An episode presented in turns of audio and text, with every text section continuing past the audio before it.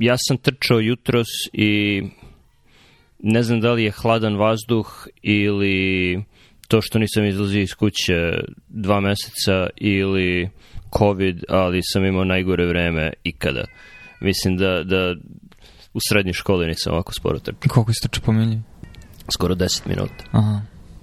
Vrat, najvratnije da je najviše COVID, jer i da, i da je bio hladan vazduh i ostalo, opet bi sigurno bio bliži 9 i 8 minuta. Aha to, to ja mislim, jer um, znam da sam imao periode pre kad uh, nisam trčao po nekoliko meseci i nisam bio veliko spor. Osećao sam, nikad pre nisam osećao uh, e, slabost kvadricepsa dok trčim. Aha osjećam kad radim deadlift, ali bili su mi slabi kvadricepsi, što mi se nikad pre nije desilo. Mislim, bilo je trčanje uzbrdo, ali nije neki ogroman nagib, onaj na Cleveland Avenue. Tako da... realno nisi se kretao tri nedelje. Mislim, možda ima Moguće tamo. i ono što nikad nisam imao veliki period da nisam... Uh, znaš da kad idem na posao, idem uz one stepenice gore dole četiri puta što je dosta dobra vežba za kvadricepse. E, to nisam radio skoro godinu dana. Tako da moguće da je i to. A kapiram da si imao napravo na sebi koja ti meri puls, koji je ti bio maksimalni puls? 180 nešto. Definitivno sam bio, bio sam Ni, ni, bio, bila je naporna vežba, ni, nisam, nisam zabušao. Ne, ne, ali znači da ti je maksimalna frekvenca u stvari vrlo dobro je što možeš da dostaneš 180. Znači, ja, ja ne dostim, ja mislim 175 i automatski, mislim u tom trenutku ja vratno osim toliki umor da moram da usporim, tako da ja evo zadnjih već mesec dana skoro, mm, mislim da nijednom nisam prešao 176, 177, ali uglavnom je maksimalna frekvencija između 170 175. E, sada gledam, da, 184 mi je no, da, bila maksimalna. No. Da. Imaš mlađe srce nego ja bolja porodična istorija. Da, da. E, uglavnom, to me podsjetilo na, na, na činjenicu da će COVID biti zgodan izgovor za gomilu stvari u sledećih nekoliko godina. Zašto se nešto desilo zbog covid -a? Zašto ovo nisam uradio zbog covid -a? Dok postoji verovatno više faktora od kojih COVID možda jeste ili nije jedan od uzroka. A si nosio masku dok si trčao? samo kada sam prolazio pored nekoga. Znači, e, pridržavao sam maskom bradu dok sam trčao uglavnom, ali ne znam, možda sam prošao pored nekog 5-6 puta. Ne, ne, ali razmišljam da je bio hladan vazduh faktor, onda bi maska mnogo pomogla u tome. Zato što ja nekad kad je ovako hladno, juče je bilo ono 0 stepeni, pa je maska značila, kad je hladno, nije vlažno. Da, ti greje lice. Pa da, da greje ti vazduh koji udiš, tako da manje ti seče traheju, ono ne osetiš kad udahneš ono da te boli, bukvalno disani putevi od hladnoće. E, primetio sam, ne, nije, nije bio hladan vazduh. Pot, znam po tome što je bilo mnogo neprijatni, neprijatni osjećaj nositi masku i svaki put kada udahnem vazduh dobijem zaloga i vlažnog platna u ustima. No. Biće bolje sledeći put sigurno. Vi, vidjet ćemo sutra ujutro. Aha, nemoj... Uh, okay. Šta, misliš da to nije dobro? Zglobovi najviše mogu da ti se... Pogotovo što... U, dobro, to je tačno. To je tačno jer, znači, Pogotovo još jedna te boli stvar, kvadricep, opet... znači da on dosta vuku svoj pripoj na tibi i to je prva stvar koja će te zaboleti ako isforsiraš. Već, već me je bolelo koleno danas kada sam u zgradi išao uz, uz i, i niz stepenice, što je isto zabrinjavajuće, tako da upravo si. Preskočit ću sutra. No. Jer sam se ja tako skoro izložio, ono, dva dana za redom mi je prijelo, ali prijeti ono kardiovaskularno i respiratorno, ali onda ti su upali blago kolanje, onda ne možeš da trčiš nedelju dana, jer znaš da ako ponovno budeš trčao, bit će još gore, tako da moraš da odmoriš da, da. pripoj. Da, i to, sam, i to sam pomislio, definitivno sam i sad kolena ranjivija nego pre zbog slabih kvadricepsa, tako da mora da, da vodim računa. First world problem. A, starost. Pa nije, mislim, mislim da, i, da ljudi svuda imaju problema sa zamorom materijala, raspadom kardiovaskularnog sistema i starošću generalno, tako da nije, nije, nije jedinstveno za Ameriku i, i razvijene pod navodnicima zemlje. Mm -hmm. Ali e, još, još jedna stvar, e, znači prvo sam imao to trčanje, pa sam onda video jedan tekst koji me podsjetio na to isto uzrok posledica, da li je COVID, da li nije COVID. U ovom slučaju su bile vakcine, dakle, um, kako se zove, profesor, doktor, još jedna stvar sa godinama je što zaboravljam i imena, ali u pitanju je, uh, ovo ću da isečem, Miloš Marković sa imunologije je imao dobar intervju na RTS-u i na sajtu RTS-a. Obiman je intervju i dotiče se dosta stvari, pre svega vezanih za vakcine, ali nešto je vezano za COVID. I u jednom delu je e, citirao Paula Offita, koji je pričao o tome kako je teško nekada povući uzročno-posledičnu vezu između vakcina i nečega što se desi nakon vakcina i rekao je, dao je primer deteta koje je došlo na vakcinaciju, ne znam, nijakom vakcinom, nekoliko sekundi pre nego što je sestra stavila injekciju, e, dete je dobilo epinapad.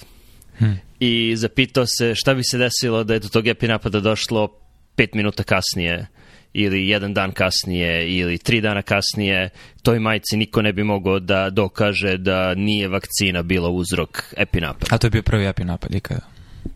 a to je bio prvi epi da. Dakle, to je dete koje nije, nije imalo diagnostikovan poremećaj pre toga. E, tako da kada se daju vakcine desetinama miliona ljudi, mnoge stvari će se dešavati tim ljudima koji bi se desili i bez vakcina, e, uključujući to i da, ne znam, 20 ljudi od preko 80 godina u Norveškoj umre, da, to iznenađenje, stari ljudi. Da da stari ljudi umiru, zamisli. E, I onda je teško reći da ne, oni jesu dobili vakcine, jesu umrli nakon toga, ali ne možeš tako lako povući uzročno-posledičnu vezu, ne možeš tako lako tu strelicu da nacrtaš na grafikonu u svojoj glavi. Isto kao što sam ja dobio vakcinu 28. decembra i 5. januara dobio COVID. Nije, nije vakcina prouzrokovala pa ne, COVID. Da, vakcina imala u sebi virus koji je onda prouzrokovao COVID. Lažne vesti ne više, molim te, ne da ih širiš. Hvala. Da. Sarkazam. U, uglavnom... Slash s... Da, u, u, uglavnom, tekst je odličan i stavit ću link ka tom tekstu.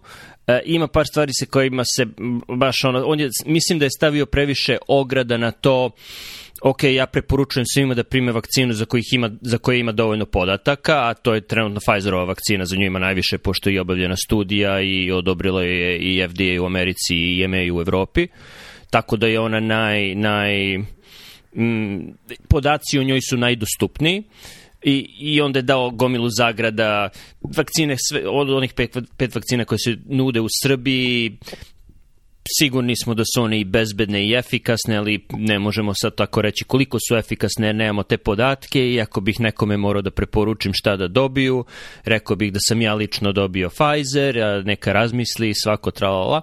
Mi, mislim da je u redu, mislim to jeste tačno, ali kao što smo u prethodnoj epizodi pričali, to mogu da rade novozelanđani, oni mogu da čekaju da se objave svi podaci, mislim da ljudi u Srbiji, u stvari u većini Evrope, u Americi, e, nemaju, e, nemaju tu privilegiju da čekaju da svi podaci budu potpuno dostupni. Tako da sam ja svojima rekao da prime prvu vakcinu koja je dostupna i super vesti, e, ljudi koje znam u Jagodini, uključujući članove porodice, su već dobili prvu dozu mm, Sinopharm vakcine. Što je ja mislim, jako dobro. Nije dobro što tražio sam, nisam mogao da dobijem podatke o tome koliko je vakcina tačno dostupno i koliko vakcina je dato i zakazano i koji je tačan plan vakcinacije i po uzrastu ljudi koji su primili vakcinu u Jagodini bilo mi je malo i njihovim komorbiditetima bilo mi je pomalo čudno kako su oni već stigli na red ali bolje što više vakcina što pre pitanje ko dobije i, i po kojoj logici, mislim, to, to možemo kasnije. Da, na osnovu ograničenog broja izvora iz Srbije stičem utisak da postoji jako velika razlika od grada do grada, što u broju dospelih vakcina, što u organizaciji oko njihove distribucije i kriterijumima koji se koriste za distribuciju istih, tako da ono što hoću kažem da mi se čini da Pančevo stvari idu mnogo, mnogo sporije i da su veliki redovi i gužve što je poslednja stvar koju želiš kada treba da vakciniš stanovništvo pod rizikom usled pandemije, da imaš ljude da čekaju po 3 sata u zatvornim prostorijama.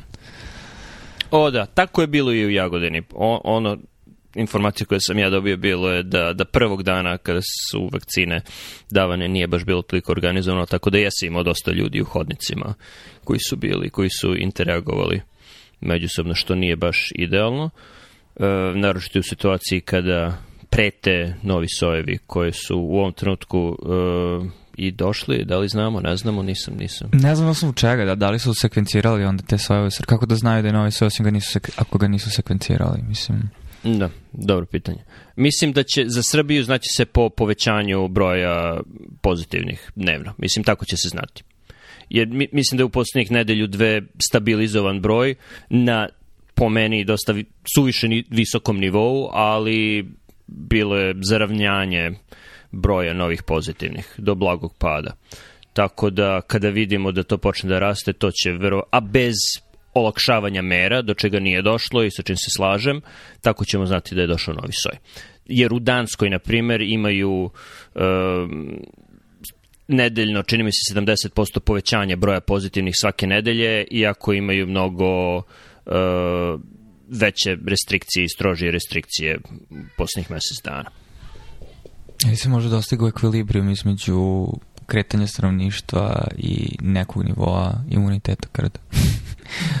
to ćemo znati ako ne dođe uopšte do povećanja broja. I, pa i da, broja testova to je, koji mogu da se radi. No. Da, to je tačno, ali znamo koji je kapacitet broj testova koji mogu da se rade i trenutno je, čini mi se, Srbija ispod tog kapaciteta, dakle ima mesta za još testova. Uh, To je jedna stvar. Druga stvar je što do, do ekvilibrima dolazi za dati soj. Tako da kad vidiš da je ekvilibrum poreme, poremećen, tada ćeš znati no, da je da, došao na soj. Arnold se promenio, da. Da. Uh, amaterska epidemiologija sa Milošem i Nebojšom. Više sa Milošem nego sa Nebojšom. Nisam znao da je ovo tema epizode, tako da. Nije, nije, nije. Ovo je ne, ne znam koja je tema epizode, da li imaš ti neku? Nemam, da, zato sam razmišljao danas cijel dan i, i baš ništa nije padalo na pamet da je konkretno i uivičeno.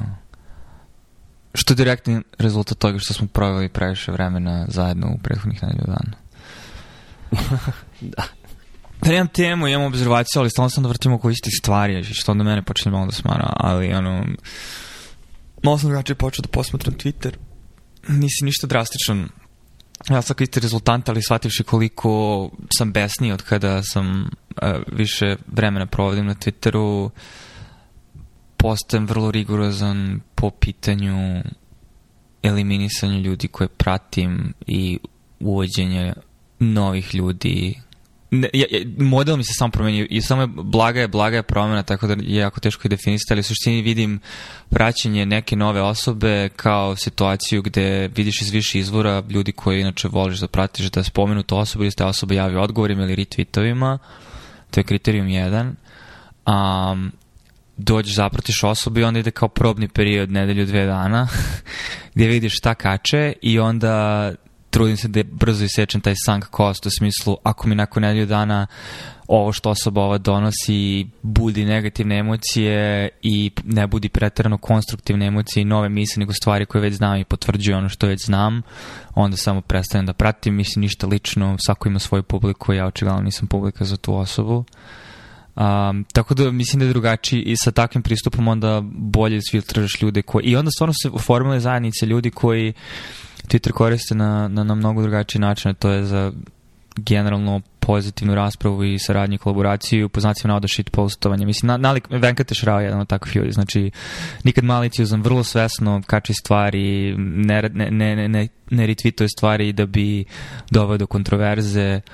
Um, tako da, ovaj, da čak i neki ljudi koji možda ovako poštujem direktno, intelektualci možda nisu najbolji za praćenje na Twitteru samo zbog njihovih navika vezanih za Twitter koji su ili rezultat njihove ličnosti što ne mora da bude u jedan na jedan korelaciji sa a, njihovim a, intelektualnim, intelektualnom delatnošću ili sa druge strane rezultat njihovih navika vezanih za Twitter gde oni dalje nisu skroz kapirali kako žele da se služe Twitterom tako da nekada i boostuju nešto što je generalno ima ne, net negativnu, uh, neto negativnu uh, rezultantu. Apsolutno. E, ono što, mislim, par stvari si spomenuo koje bih hteo da ponovim. Jedno je to kako biraš ljude koje ćeš pratiti, dakle gledaš da ljudi koje već pratiš retweetuju nešto. Veliki rizik tu je da su ljudi koji ti već pratiš filter za, za sadržaj koji, koji ta osoba postoje na, na Twitteru, tako da ćeš ti videti samo ono što su pisali, što ljudi koje već pratiš i koje nastavljaš da pratiš misle da je dobro videti. Uh, tako da je jako dobra ideja pre nego što zapratiš bilo koga da scrolluješ malo po onome što su pisali i da vidiš da li je to ono čem, čemu bi želeo da budeš izložen. Čak i ako su sve to dobre stvari, ako neko postavlja 100, 150, 200 stvari dnevno, mm -hmm. to je zagađenje timelina i generalno izbegavam da pratim te ljude, jer bi, previše bilo čega nije, nije dobro.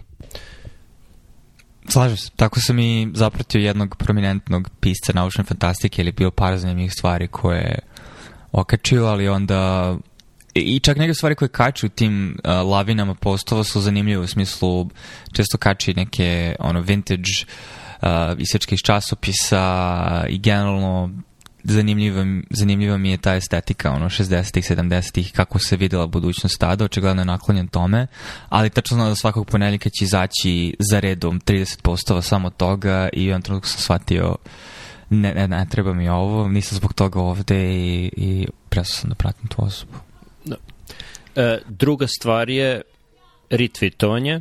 Jedna od najboljih funkcija koje Twitter ima je isključivanje retweetova određene osobe. Uh, tako da e, neko može da ima sjajne sobstvene stvari, postavlja članke koje su bitne za ono što ti pratiš ili učestvuju u debatama koje bi ti hteo da pratiš, ali ljudi imaju tendenciju da retweetuju stvari koje sami ne bi smeli da napišu, ali obično imaju veze sa američkom politikom ili sa covidom i covid kontroverzama i generalno ako te ne interesuje taj deo njihovog rada, vrlo lako ideš na, na njihov profil i disable retweet i to uh, je jedan od metoda spašavanja timelinea pre nego što prestaneš da pratiš neko. Slažem se. Sad sam zamišljao znači, situaciju koja je...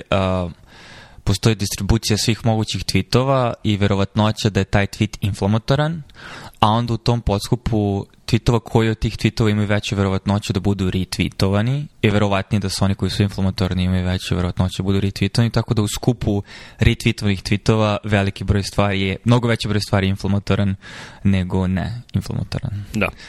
Tako da kada bi, kada bi Twitter imao opciju da se potpuno isključe retweetovi, to bih uključio odmah za svakoga. Jer ne, neko koga pratim, više me interesuje njihov komentar na to, tako da ako uradiš quote tweet, ok, vidim, vidim šta su ti ljudi rekli na tu temu, ali čisto retweetovanje mi se generalno ne, ne sviđa. Ono što ja pokušavam je kada gledam timeline jednom, dva put dnevno, da trudim se da svaki post tu bude post koji bih mogao da lajkujem čim vidim nešto što izaziva eh, negativnu energiju, što ima negativnu energiju oko sebe, izvor toga staje na moju listu, ok, da, da li je ovo osoba koju bi trebalo da budem i dalje izložen. Vidiš, bilo bi zanimljivo, u stvari, da, pošto ima funkcionalnost listi, tako da možda krijet, napraviš listu uh, čistilište u smislu da privremeno smestiš neke ljude u listu gde razmišljaš da je, prestaneš da ih pratiš i onda ako nastave na čistilištu da budu negativni, onda je vreme da prestaneš da pratiš.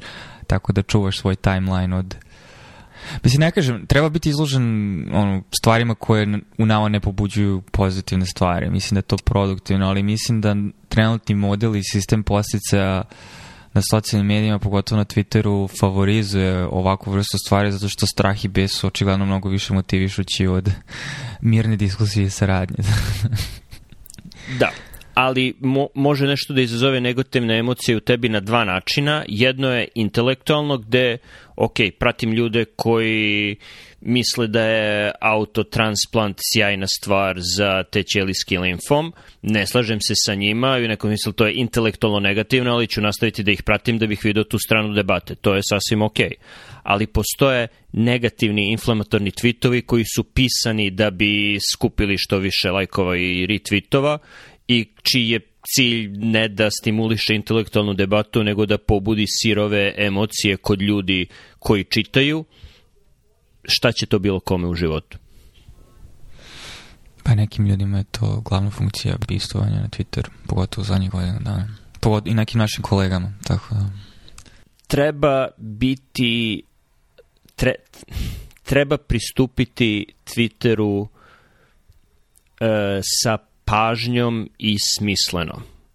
Jer ako je Twitter nešto na što odeš kad imaš 3 minuta slobodnog vremena da na brzinu iskroluješ timeline i vidiš šta se dešava i tome prilaziš sa pola mozga, postaješ podložan pogrešnom čitanju tweetova drugih ljudi i pogrešnim reakcijama i postoješ podložan uticajima za koje nisi, nisi siguran odakle dolaze. Ako bezumno samo gledaš reči koje tu stoje, a ne razmišljaš o tome, ok, ko je ovo napisao, zašto se ovo nalazi na mom timelineu, Uh, da li je osoba koja je retweetila ova osoba od poverenja, da li je osoba koja je pisala ovo osoba od poverenja, uh, koji je, kon, u kom kontekstu se ovo javlja ako je u pitanju dugački niz.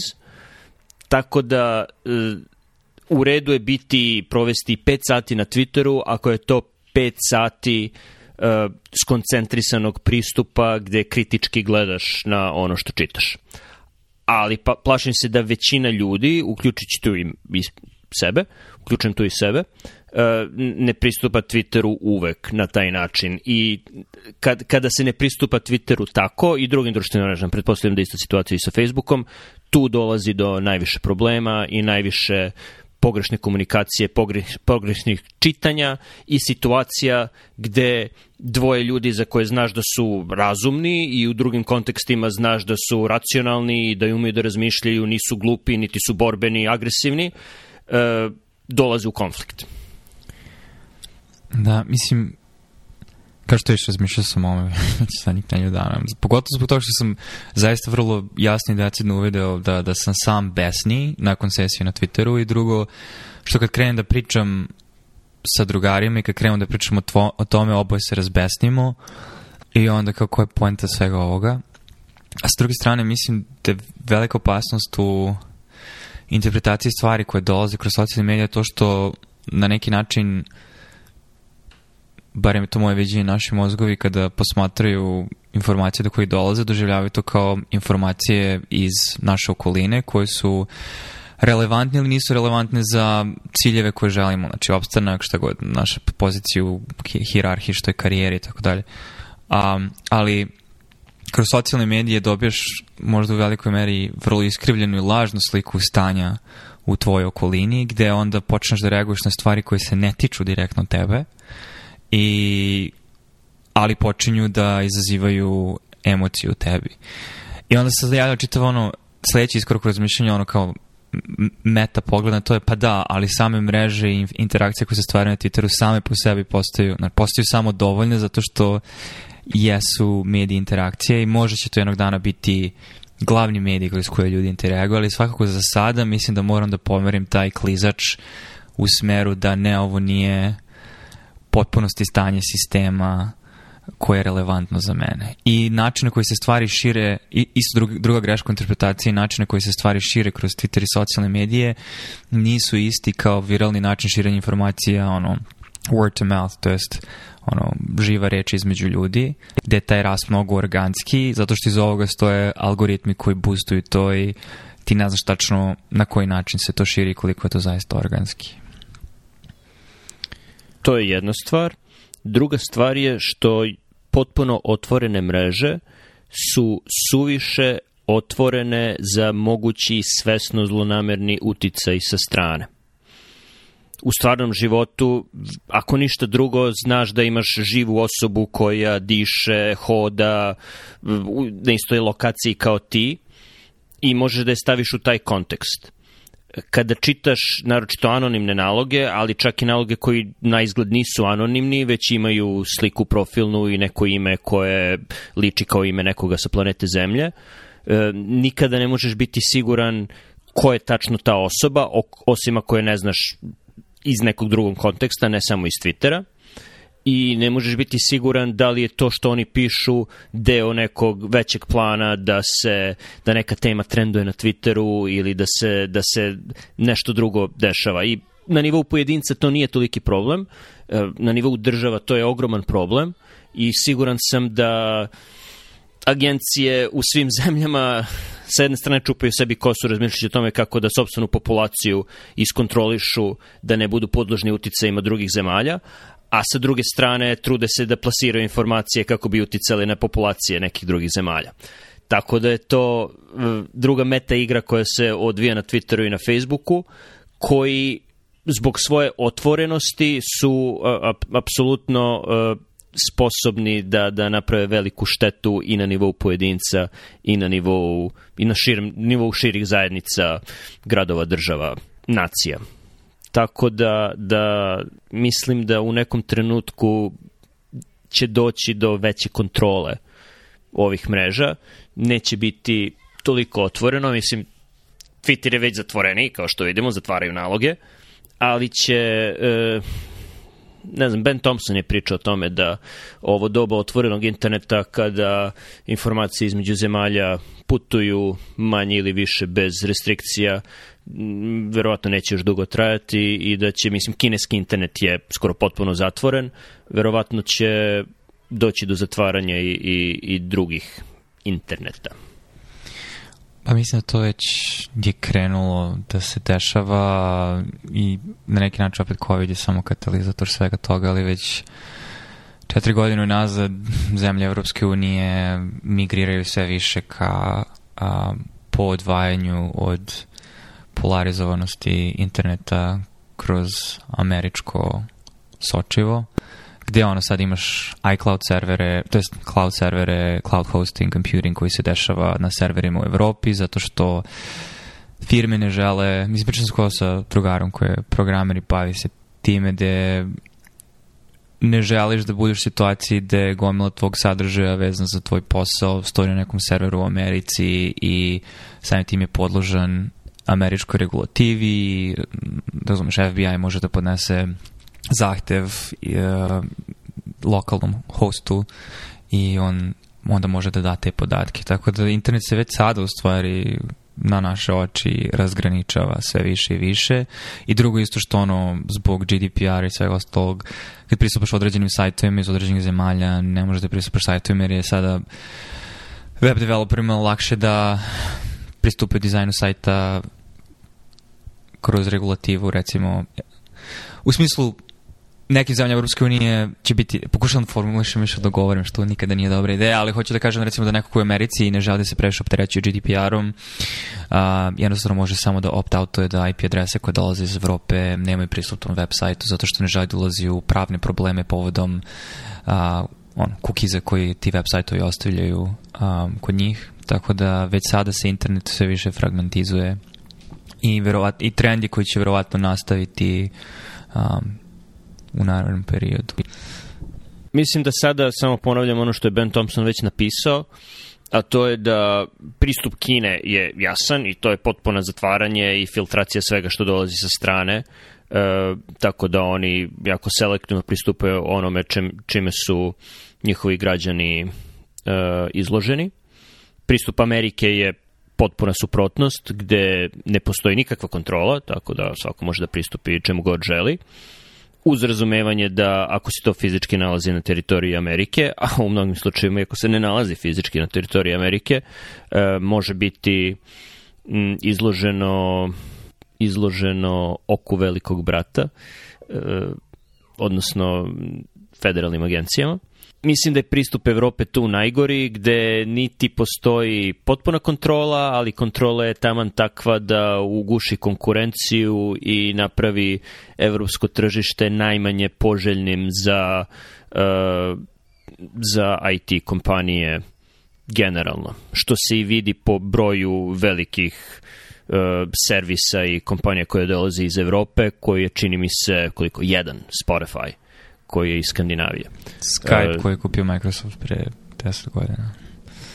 Pa to je, Microsoft je američka kompanija, tako da ne, nema. Spotify je, čini mi se, jedina nezavisna m, mm, kompanija velika koja pripada Big Techu, velikim tehnološkim kompanijama koje je, čije sedište u Evropi sada. Dok sa druge strane postoji uh, i Kina ima puno kompanija i Amerika, tako da svaka sa svojim sobstvenim pristupom problemu.